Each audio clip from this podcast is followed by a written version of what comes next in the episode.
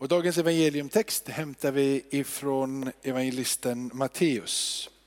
Fariséerna gick bort och kom överens om att försöka få fast Jesus för någonting han sade. Det lät sina lärjungar och några av Herodes anhängare söka upp honom och säga, Mästare, vi vet att du är uppriktig och verkligen lär oss Guds väg. Du faller inte undan för någon och ser inte till person. Säg oss vad du anser. Är det rätt eller inte att betala skatt till kejsaren?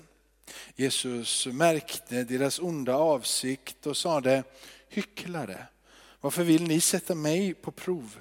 Visa mig ett mynt som man betalar skatt med. Det räckte honom en dinar och han frågade, vems bild och namn är det här? Kejsarens svarade det. Då sade han till dem, ge då kejsaren det som tillhör kejsaren och Gud det som tillhör Gud. Och när de hade hört detta blev de häpnade. Det lät honom vara och gick sin väg. Så lyder det heliga evangeliet. Lovad vare du Kristus. Amen.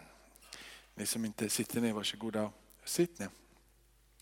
Du, eh, eh, du, eh, för dig som är ny på tisdagskvällar så är det så här att vi följer kyrkåret på tisdagskvällar och det, det, är en, det, är en, det är en rikedom. Om du aldrig varit med i en församling eller ett sammanhang där man följer kyrkåret så, så, så tror jag du har, du har hittat hem. För, för att för, för kyrkåret ger dig en, en, en, en riklig kost. Den, den, den fyller hela det skafferi utav olika eh, nyttigheter som du behöver för det dagliga, vardagliga livet tillsammans med Jesus. Du får med dig Ehm, till exempel så jag tycker det är spännande när det kommer in på änglar och sånt här som jag aldrig skulle välja att predika om själv. För jag blir liksom nervös när jag pratar om änglar. För att pratar man om änglar så kommer kanske änglar och jag vet hur beter jag mig när änglar kommer. Och, ja, ni vet, så det, liksom, det är svårt det här med änglar. Men då har du en söndag, du måste prata om änglar. bli tvingar att prata om änglar och så, och så blir det om vad du ska predika. Eh, utan du har den här texten och det är bara att hålla dig till den här texten och du vet att det här funkar. Det här är ju liksom en, en, en bra, eh, liksom, rik kost. Sen är jag väldigt glad för söndagar då vi kan vara lite mer fria och söka Gud. Men Eh, om du aldrig har funderat över det här med kyrkoåret. Eh, vi, är inga, vi är inte slavar under kyrkoåret. Vi är inte, det är inte så att vi, vi slaviskt måste följa detta och vara bundna till detta och har inte frihet att gå utanför. Vi kan sluta med det imorgon. Det är inte, det är inte, det är inte så att vi liksom, utan det är att vi känner att det här är nyttigt, det här är bra. Det här tar oss tillbaka om och om igen. Predika det som har varit näring i kyrkan. Eh, så så har jag sagt det. Eh, och då, den här söndagen, 21 stycken söndagar efter trefaldigheten och nu är vi snart på gång in i det, i det nya kyrkåret med att vi kommer in i adventstid och så vidare. Så vi, vi är på något sätt avslutningen här och blir dom och det, eller helvete och det blir, det blir liksom det, det är mycket som, som, som börjar snurra. Men samhällsansvar är, är den här söndagens text. Ja, jag vet inte om du kommer ihåg Jeremia här, men du kan, du kan ta upp den här för det är det är några saker i den här texten som, eh, som, ah, som är lite störande för mig. För min fråga är ju om det är, om det är Nebukadnessar eller om det är Gud som tar dem till Babel. Om du går tillbaka en till, eh, här, tillbaka lite bit här. Du har kanske inte de, för, de innan där. Men då, så, då står det så här att det går ut ett grepp från, från Nebukadnessar att alla, alla, alla de här ska, ska bli, bli, bli, eh, tas ifrån Israel och så ska de till Babel. Och eh, det, det, är, det är hela gänget som ska dit utav olika liksom folk och präster och, och, och så vidare. Och så, då, då är det Nebukadnessar som gör det. Och, eh, eh och här så, säger, så, så i vers 4, så säger Herren Sebaot, Israels Gud, till alla de, de fångar som jag har låtit föra bort från Jerusalem till Babel. Här är det Gud som säger, jag har låtit föra bort dem ifrån Jerusalem till Babel. Så någonstans så är det Gud som är med i den här resan. Det, det är på något förunderligt sätt så tar Gud och, och, och tillåter det här ske i alla fall. Att föra de här ifrån eh, Jerusalem, från Israel och in i Babel. Eh, och, och, och den där resan, varför? För vilket syfte? Och vad, vad, blir, vad blir poängen med det? Och när jag har suttit och funderat på det här så har jag också funderat på att vi är kallade att, att inte leva av världen, men att leva i världen. Och, och vad innebär det då i de här kontexterna? Hur för man det här samman? Och, eh, eh jag, har tyvärr, jag har bara haft en timme på mig ungefär idag så att jag har inte liksom, det blir, ingen, blir liksom inte sådär eh, väldigt, väldigt kanske, men, men jag har i alla fall försökt att på den här timmen koncentrera mig. Och, eh, jag tror det är så här, Gud säger så här, jag är inte rädd för att mitt folk ska bli besmittade utav världen. Jag är inte rädd när mitt folk blir tvingade att ta ifrån Israel, den heliga staden, mitt heliga namn, in i detta ogudat. Jag är inte rädd. Mitt folk blir inte besmittade av världen. Mitt folk, de smittar världen. Mitt folk har min utkorelse, mitt folk har min agenda. Jag är deras Gud. Och där, jag, där ni går fram, där går jag fram. Jag andas på det som ni vidrör. Jag förmerar mig genom att ni besitter världen. Liksom, att vi rör oss in i världen. Den här världen som är här bakom, utanför det här fönstret. Då, Alltså, jag tror att Gud ville säga till dig och mig idag att hela världen är Guds värld. Allting till, till mig, vi är kallade att gå ut. Vi är kallade att ställa oss och bli ett utav det som är hela hans skapelse. Men så alla människor är Guds människor. Inte bara de som är i kyrkan, men vi som är i kyrkan och vi som tillhör Jesus, vi är Guds barn eh, och inympade i det här olivträdet. Vi tillhör honom, men alla människor är Guds människor. Han har skapat dem. Han älskar alla. Hela jorden är hans. Det är inte bara kyrkan som är hans. Hela universum är hans. Han äger, så jag tror att han säger så här, eh, min är världen bli ett med den världen. Bli ett med min värld. Jag vill att det är där du ska leva och jag vill att det är där du ska vara frimodig. Så i den här texten så säger han helt enkelt, gå in i det här landet. Gå in till de här olika typerna av, av människor som finns. Ni ska plantera, ni ska, ni ska plantera deras frukter, ni ska ta deras hus, ni ska föda söner och döttrar och, det, och ni ska liksom vara en del av det här. Och när ni blir en del av det här så tar jag min plats mitt ibland er. Och när det går väl för dem, när ni tar er plats där, så, för dem så kommer det också gå väl för er. Det finns liksom en frimodighet i det här ifrån Guds sida. När jag vill någonting så finns det ingenting som kan hindra det. Och när jag kallar er att vara en del av hela den här världen så behöver inte ni vara ängsliga för att bli besmittade. För det är ni som kommer besmitta dem. För det är jag som har kallat er ut till världen. Och då finns det en, en, en andedräkt som, som strömmar genom hela, genom hela Bibeln. Och det är bara att att när vi pratar, ni vet man ska inte leva av världen utan i världen. Så när jag pratar på det här sättet, kom ihåg i världen och inte av världen. Och så ska jag försöka definiera det lite grann mot slutet av den här predikan. Eh, och då, eh, det som är andedräkten och det som sägs, profeten Mika, profeten Amos och du kan bara fortsätta rabbla upp. Det är att det hela tiden ständigt går ut ett domsord över de som förtrycker. Det går ut ett ord utav ilska ifrån tronrummet. Lagda på profeternas läppar där det går ut ett ord att förtryck inte den svage. Eh, liksom, ni, ni kan inte bete er på det sättet. Vänd om, både den som är helig vänd om och den som är ohelig, utanför, vänd om, gör bättring. Ni har ingen rätt att förtrycka utan ni måste bli en del utav, innebär ta hand om hela min värld. Och eh, till och med så, så bara för att citera någonting i Mika kapitel 6, så går Gud till rätta med Israel på riktigt när han säger, ni bryr er om offer i templet i tusental. Ni, ni, ni slaktar bockar i tusental. Ni är noga med att rena er och noga med att komma till templet. Ni är noga med tillbedjan, för det var ju det som var det uttrycket för det. Ni är noga med tillbedjan, men ni missar en sak. Ni missar att de förtryckta är förtryckta. Och så säger han i kapitel 6, men det är inte eran tillbedjan jag vill ha. Jag vill inte ha era offer. Jag vill inte, det, det är inte det jag vill ha. Utan vad jag vill ha, säger han i vers 8. Jag vill ha, och vad jag har begärt, det är Herren har inte av dig begärt någonting annat än att du ska göra rätt. Han har begärt av dig att du ska älska. Och han har begärt av dig att du ska visa barmhärtighet.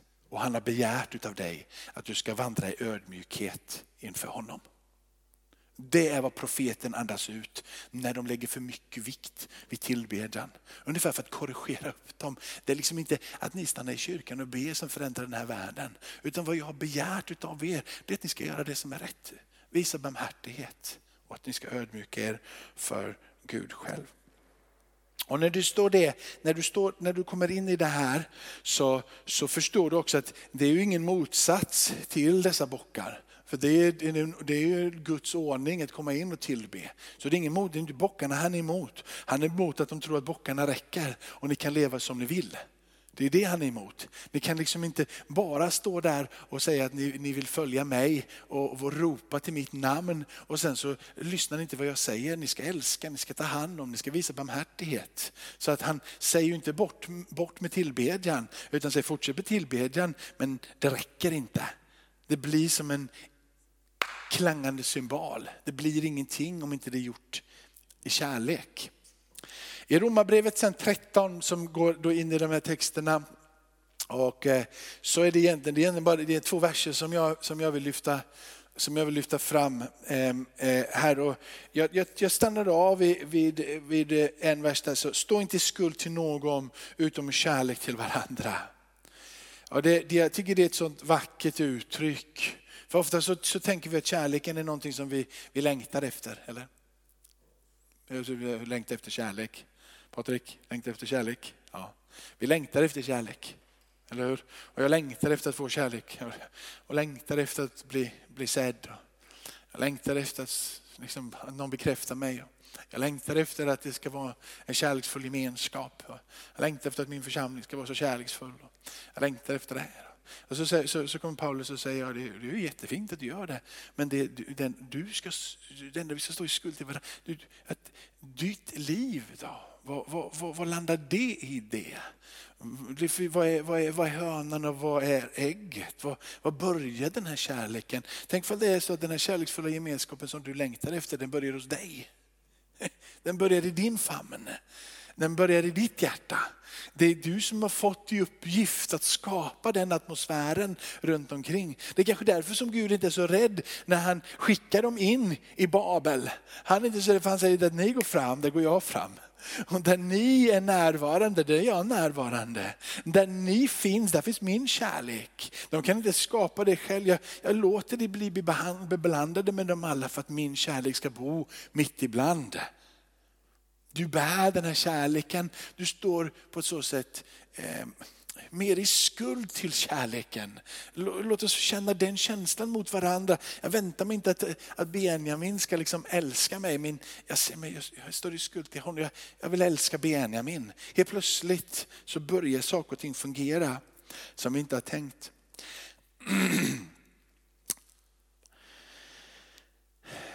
Och så säger han att då uppfylls lagen. Rätt och riktigt uppfylls läser vi från Romarbrevet 13 här. Att rätt och riktigt uppfylls när vi älskar våra nästa. Och så rabblar han upp olika saker och du ska inte stjäla och du ska inte dräpa. Och det, det, det, det är så som vi uppfyller lagen. Rätt och fel uppfylls inte genom att ha rätt och fel. Så Benjamin och vi hade ett litet samtal här innan och så kom Benjamin och sa någonting som jag inte hade sagt. Och sen så stannade jag av, okej, okay, ja, ja, kanske är på det sättet. Så fick jag lägga mig och då var Axel snabb och sa, oj, du fick visst ge dig. Liksom, och så där. Så det var inte roligt att behöva ge som ett, eh, ah, jag kanske inte hade fel direkt. Liksom. Förstår ni? det är så man vill hålla på. Men, alltså, så är man sådär. Men det, för, för nog, du, det du sa var liksom nog rätt, kanske. Ja, nej, man ska inte ge sig för lätt heller. Så. Men det, det, var, det var nog okej. Okay. Är ni med? Är det inte så här i allt? Det är inte lätt att bara säga, ja, jag hade fel. Eller? Du och jag, vi har många sådana samtal Patrik, eller hur? Och då, så då har jag talat om för Patrik att i vår relation så är jag storebror och du är lillebror. Och han har godkänt det. Det är väldigt vackert där. Så där har jag tur ibland. Eller hur Patrik? Men det, det, det, det är inte lätt med rätt och fel. Eller hur? Men om vi skulle kunna älska varandra så upprätthåller vi det här. Vi fullbordar lagen, vi gör, vi, vi helt enkelt stiger in i det här där vi inte sårar varandra. Vi stiger in i den platsen där vi faktiskt tar hand om varandra istället för att dräpa varandra. Det är så vi uppfyller lagen, vi uppfyller allting och vi kan hålla ihop det här älska Herren Gud först och så vidare. Så vi, vi, vi kommer att komma dit när vi börjar fundera och agera utifrån, inte utifrån rätt och fel, utifrån en kärlek till varandra. Kärleken gör nämligen inte, står det i vers 10 sen, någon ont mot sin nästa. Och det är det här som profeterna säger och det är det här samhällsansvar handlar om. Samhällsansvar, det handlar om att du och jag inte bara låter våran mun tala, utan våra handlingar backa upp våra liv. Vårat kristna uppdrag i den här världen är missionerande. Vårt uppdrag är missionerande, det är evangeliserande. Våra liv är utgivande. Och då är det i ord och det är i handling. Och det kristna livet kan inte levas bara i ord, utan det måste till en handling. Vi ska på det sättet vara öppna emot världen. Vi ska leva till och med i världen, men då inte av världen. Så mission, det blir ett förhållningssätt. Att leva ett missionellt liv blir ett förhållningssätt. Det blir ingen ideologi, det blir ingen filosofi, det blir ingen politisk agenda. Men det blir ett förhållningssätt gentemot omvärlden och medmänniskorna i ord och handling. Att vi kristnas vårt kristna uppdrag, vårt missionella verk är vårt förhållningssätt emot omvänden medmänniskorna i ord och i handling. En kyrka kan inte isolera sig från omvärlden. Om en kyrka isolerar sig från omvärlden, så jag är ju sån här som, en del jättearga på mig för det här och superirriterad när jag säger det. Och det är inte ofta som jag säger det och framförallt, jag tror det är väldigt sällan jag säger det i mikrofon. Men så jag hoppas att ja, det spelas ju in detta. Men det, det, jag, menar, jag, jag är inte motståndare mot det, men jag är inte förespråkare för det. Eh, och det är ju till exempel kristna skolor sa. va? Även, om, även om det är väldigt många som är det tycker det är väldigt bra och jag välsignar, jag, jag, kanske, jag möjligtvis har missat någonting där. Så det är inte så att jag strider emot det, men det är inte så att jag heller bara tycker det där, det där är svaret. Förstår ni? Så det är inte, jag är inte emot jag är inte, och jag är inte liksom just strider för, utan jag bara, ja, vill någon gå på en kristen skola, det är väldigt fantastiskt bra. Men det är inte så att jag, att jag lyfter upp ämnet. Förstår ni? Och det är för att jag menar att kyrkan inte ska isolera sig från omvärlden. För att när varje steg som vi tar för att isolera oss ifrån omvärlden så blir vi mer och mer en sekt. Vi blir mer och mer att det är farligt där ute. Vi måste gömma oss, vi måste ha en liksom, kristen här och helst då liksom från dagis, kristen dagmamma ska jag ha. Sen så kristen liksom, lekisplats och alltså, helst ett kristet liksom, fotbollslag.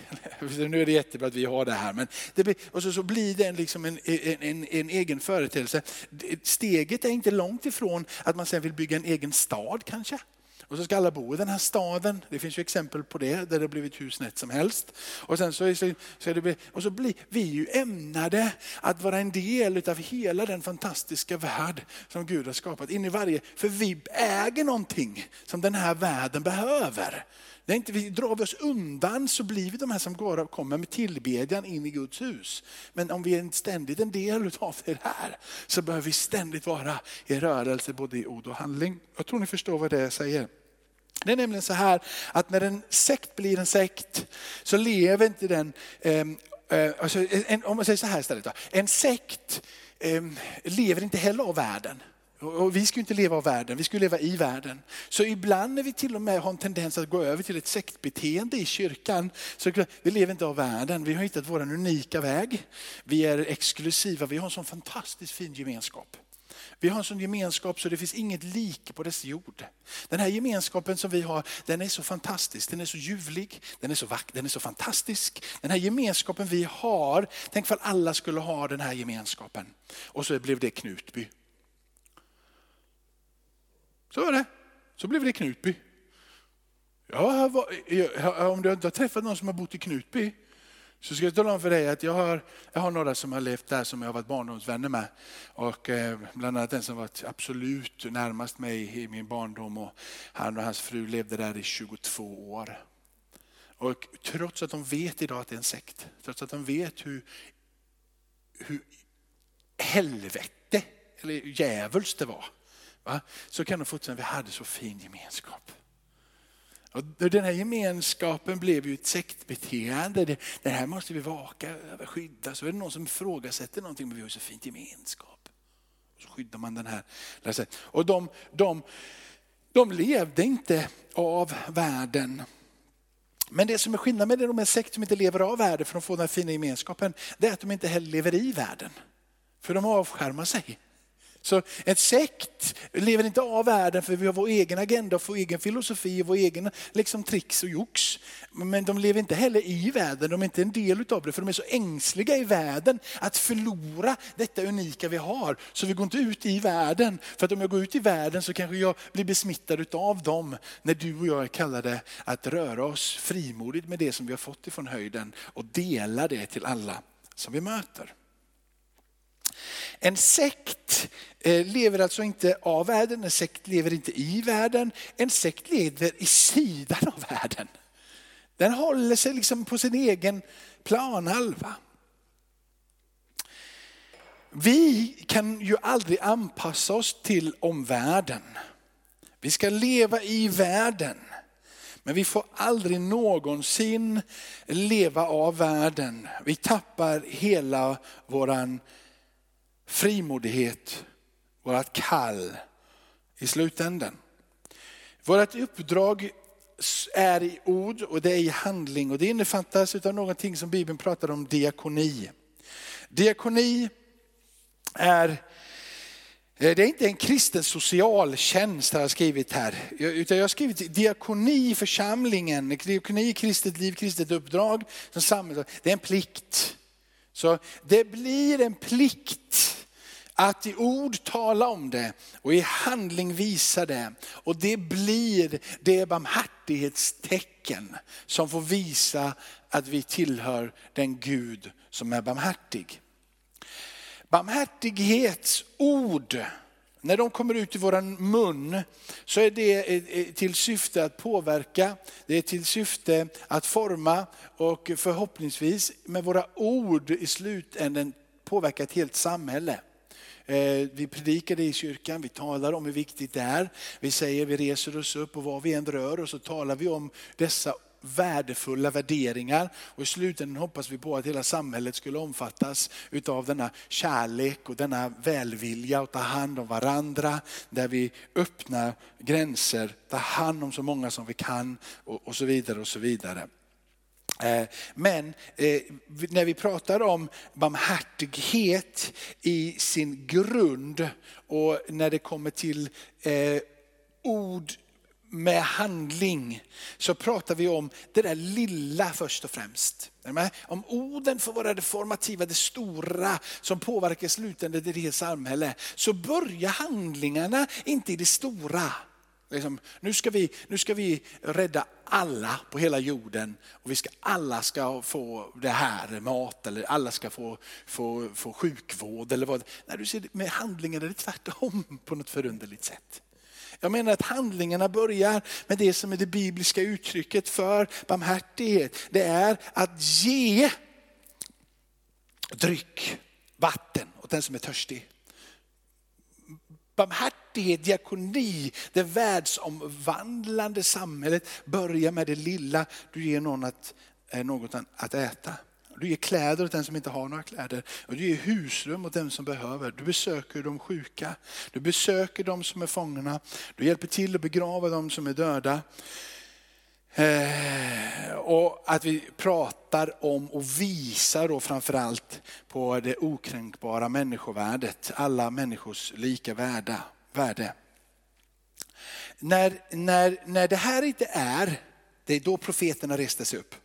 Det är då profeterna reste sig upp, det här finns inte där, det är inte där. Vi måste bryta med det här. Och det är då som vi om vi inte ser det i ord och i handling, om inte det är en rörelse i församlingen och ute i samhället, så är det våran kallelse, det är våran mission att påpeka det, tala om det och bryta sönder det. Och hur får du kraften att leva i världen och vara den röst som vi ska vara och göra det som vi ska göra. Det finner du i först och främst skriften. Sen kommer bönen och sen så har du en knippe utav saker. Du har lovsång, du har nattvarden och du har fler saker, fasta och så vidare. Men med ordet och med bönen så finns näringen. Lovsången behövs, nattvarden behövs. När, de, när dessa redskap är där så börjar orden komma. Handlingarna börjar ske. Kraften att leva i världen och ha en påverkan på världen finns där. Och hur börjar detta då? Det börjar med den texten som är den sista med samhällsansvar. Matteus 22 och 21. Så står det så här, ge då kejsaren det som tillhör kejsaren och Gud det som tillhör Gud. Och min fråga till dig är, har du gett till Gud det som tillhör Gud? Någonting har du fått som tillhör Gud. Någonting har du av en gåva, av en talang. Är du kristen så har du tagit emot en gåva ifrån Gud. Har du blivit frälst, förvandlad så har du tagit emot en gåva ifrån Gud. Du har fått någonting att förvalta, någonting att ta hand Har du gett det som tillhör Gud, Gud? Har du gett det som du har fått till Gud? Gud vill ha hela dig. Han vill ha ditt liv. Gud vill ha alla dina tjänster. Men en sak vill jag också säga, att Gud vill ha även dina brister. Gud vill ha alla dina frågor, men jag skulle också vilja säga till dig, att Gud vill ha alla dina svar. Gud vill ha alla dina förmågor, men han vill också ha din oförmåga. Och han vill stötta dig där. Gud vill ha all din motivation. Och vet du vad han gör? Han i sin nåd tar även emot dina bortförklaringar om varför du inte har gjort det. Gud vill ha dina styrkor, men han tar också emot dina tillkortakommande, dina brister. Gud vill ha dina tvivel, men han glädje tar emot din tro. Gud vill ha dina övertygelse och han vill ha din förtröstan. När du lägger ditt liv i Guds händer så får du ta emot någonting som heter nåd. Du får ta emot nåd genom Jesus Kristus. Du får ta emot Jesus och hans livs välsignelser. Du får ta emot livet. Du får ta emot lidandet. Du får ta emot döden, du får ta emot uppståndelsen, du får ta emot himmelsfärden. Det vill säga, du får ta emot syndernas förlåtelse, du får det eviga livet utav Gud. Och du får på köpet någonting som heter hjälparen, den heliga ande. Och han vill vara din ledsagare, leda dig. Det viktiga är att du har försökt lägga ditt liv i Guds händer. Det viktiga är att du ständigt och jämt gör det igen. Inte att du lyckas leva ett liv i allting så som du hade tänkt dig, men att du ständigt och jämt om gör det. När du har gjort det så har du levt ditt liv till behag för honom. Tackar dig Fader i himmelen Herre för, för, för ditt ord som är levande och verksamt. Och att det här ähm, Eh, samhällsansvar. Vi får bli äggade utav, vi vill ta ansvar. Vi vill, vi vill vara med och påverka den här världen i ord och handling. Vi vill se att de som är förtryckta inte blir förtryckta. Vi vill se Herre, att den här ängsligheten som ibland kan vinnas fick utbytas mot en gigantiskt stor portion frimodighet. Vi har världens bästa budskap. Vi har ett budskap som är livsförvandlande. Vi har kärlek i ett eh, överflöd. Vi har en, en, en aldrig eh, sinande brunn att ösa ifrån. Eh, vi har en livet källa, en urkälla av liv. Eh, ditt ljus, det är där vi ser. I ditt ljus, det är där vi ser. Du kom in i världen Herre. Du räds inte mörker, för du vet att ljuset det lyser starkare. Och du låter våra ögon få uppenbarelsen och förståelsen att när vi lägger ner alla dessa saker som vi sa, våran, våran tvivel, våran tro eller våra, våran förmåga eller oförmåga. Allt när vi gör det här, när vi lägger ner det som vi har fått, alltså våra liv. Åh, halleluja, då tar vi emot din nåd. Låt mina vänner idag få uppleva det. I nattvarden, i lovsångerna på slutet, i förbönen. Oh, i det numret är Jesus. Ära vare Fadern och Sonen och den heliga Ande, nu och för alltid och i evigheternas evigheter. Och allt folket sa. Amen.